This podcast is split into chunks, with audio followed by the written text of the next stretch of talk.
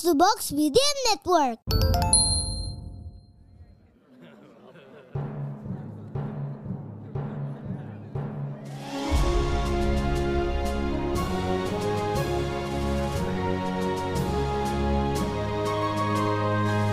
Perhatian, perhatian. Dongeng Paman Geri akan segera dimulai.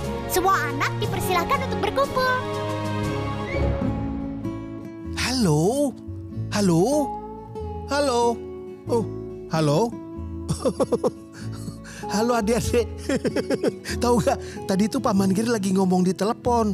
Eh, tapi ternyata waktu Paman Giri halo halo halo terus orangnya nggak nyaut-nyaut. Eh, ternyata salah sambung malah. Wah, ngobrol ini itu ini itu tapi salah semua. Hmm. Walaupun Paman Kiri nggak kenal sama siapa tadi orangnya yang di halo-halo di telepon itu. Oh, iya ya. Kalau suka ngobrol, jadi langsung ingin berbicara dengan teman. Ini sama juga dengan cerita kali ini.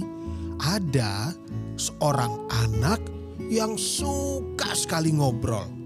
Wah, tapi kalau ngobrolnya bermanfaat, boleh nggak ya? Nah, oh ya, di episode yang spesial ini, Paman Giri juga senang karena di dalam cerita kali ini ada juga teman-teman kalian, adik-adik peserta DPG Classroom batch bulan Desember lalu yang ikut direkam suaranya. Kita dengarkan yuk.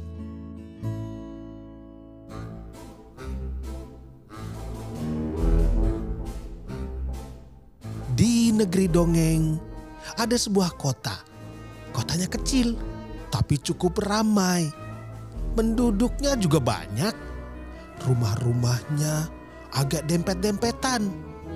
Di kota itu ada tiga sekolah dasar. Nah, yang jadi sekolah favorit adalah SD Kupu-Kupu.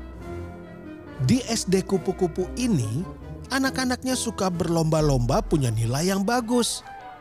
Salah satunya termasuk Laras namanya. Seorang anak yang pandai dan ceria. Rambutnya panjang, suka dikusir kuda. Dan ada poninya. Pagi ini akan ada ulangan matematika. Laras dan teman-temannya sudah datang ke sekolah sejak pagi-pagi sekali. Mereka belajar bersama di kelas, saling membantu kalau ada teman yang belum mengerti rumus atau cara mengerjakan soal. Wah, mereka sangat rajin ya. Sementara itu, teman-teman yang lain masih ada yang main di halaman dan ngobrol di bangku panjang di depan ruang kelas. Ketika tiba-tiba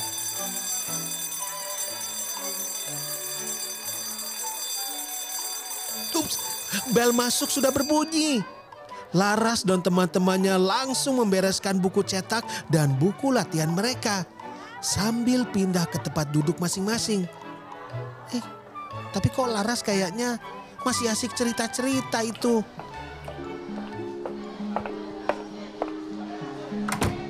Selamat pagi anak-anak. Selamat pagi, Bu Guru. Semua sudah siap untuk tes hari ini kan? Kita akan mulai sebentar lagi ya. Eh, kalian siapkan dulu alat tulis di atas meja. Tapi semua buku dimasukkan ke dalam tas ya. Jadi kemarin aku ke museum kota tua, nggak jadi ke taman. Tapi di museum juga seru kok. Kamu udah pernah ke situ, Kiki? Keren loh. Laras, kau dengar apa kata ibu tadi? Bukan cuma patung-patung aja isinya, ada juga museum wayang dan museum tekstil. Laras, Laras. Shh, jangan berisik. Eh, yang waktu itu kita pergi sama-sama itu museum apa ya? Oh ya, layang-layang ya. Seru juga tuh, kita bisa bikin layang-layang sendiri kan? Terus, Laras, eh iya ada apa bu? sejak tadi ibu perhatikan kamu ngobrol terus. Kalau Laras, Kiki, dan Gita ingin terus mengobrol, lanjutkan di luar kelas aja. Tidak usah ikut tes. Waduh, gawat. Laras ditegur sama bu guru. Tapi memang Laras juga ada salahnya kan adik-adik. Sekarang kan sudah waktunya belajar di dalam kelas. harusnya ya jangan ngobrol. Apalagi kalau sedang mau ada tes seperti sekarang ini. Wajah Laras berubah pucat. Laras bingung karena kan sudah belajar untuk tes ini dan tidak mau dikeluarkan dari kelas. Tapi bagaimana caranya bilangnya ke bu guru? Kiki, teman sebangku Laras, juga jadi ikut bingung. Tidak lama ia pun mulai menangis. Bu guru, saya kan cuma mendengarkan. Saya nggak mengobrol, Bu. Tolong jangan keluarkan saya dari kelas. Saya mau ikut tes. Iya, Bu. Benar, Bu. Kiki nggak ngomong kok. Ya, Bu. Kan saya cuma kasih tahu Laras. Kasihan Kiki sama kita, Bu.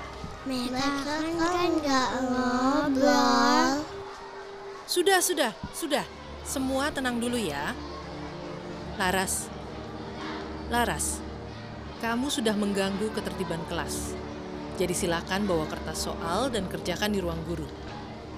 Kiki, Gita, kalian ikuti Laras ya. Hari ini kalian mengerjakan ulangan di ruang guru saja. Maaf ya teman-teman, gara-gara aku kalian jadi ikut kena hukuman. Aduh, bagaimana nih dengan tes kita? Laras, aku takut nggak naik kelas.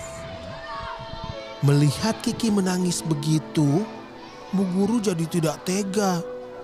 Ia menghampiri meja Kiki dan Laras, lalu mengelus kepala Kiki supaya ia berhenti menangis. Sudah, sudah, sudah. Jangan nangis ya. Kalian kan tetap boleh ikut ulangan. Kerjakan sebaik-baiknya supaya dapat nilai bagus. Tapi kalian semua harus berjanji. Jangan ngobrol-ngobrol di kelas lagi. Ya? Mengerti semuanya? Kiki mengangguk dengan cepat sambil mengusap air matanya. Laras mengambil soal ulangannya dari bu guru, lalu keluar membawa alat tulisnya. Langkahnya lemas, kepalanya tertunduk. Dengan pelan, Laras berjalan ke ruang guru sambil menyesali perbuatannya. Ngobrol boleh adik-adik, tapi bukan di kelas. Kalau di kelas ngobrol, ya nanti jadi nggak bisa mendengar kata-kata bu guru.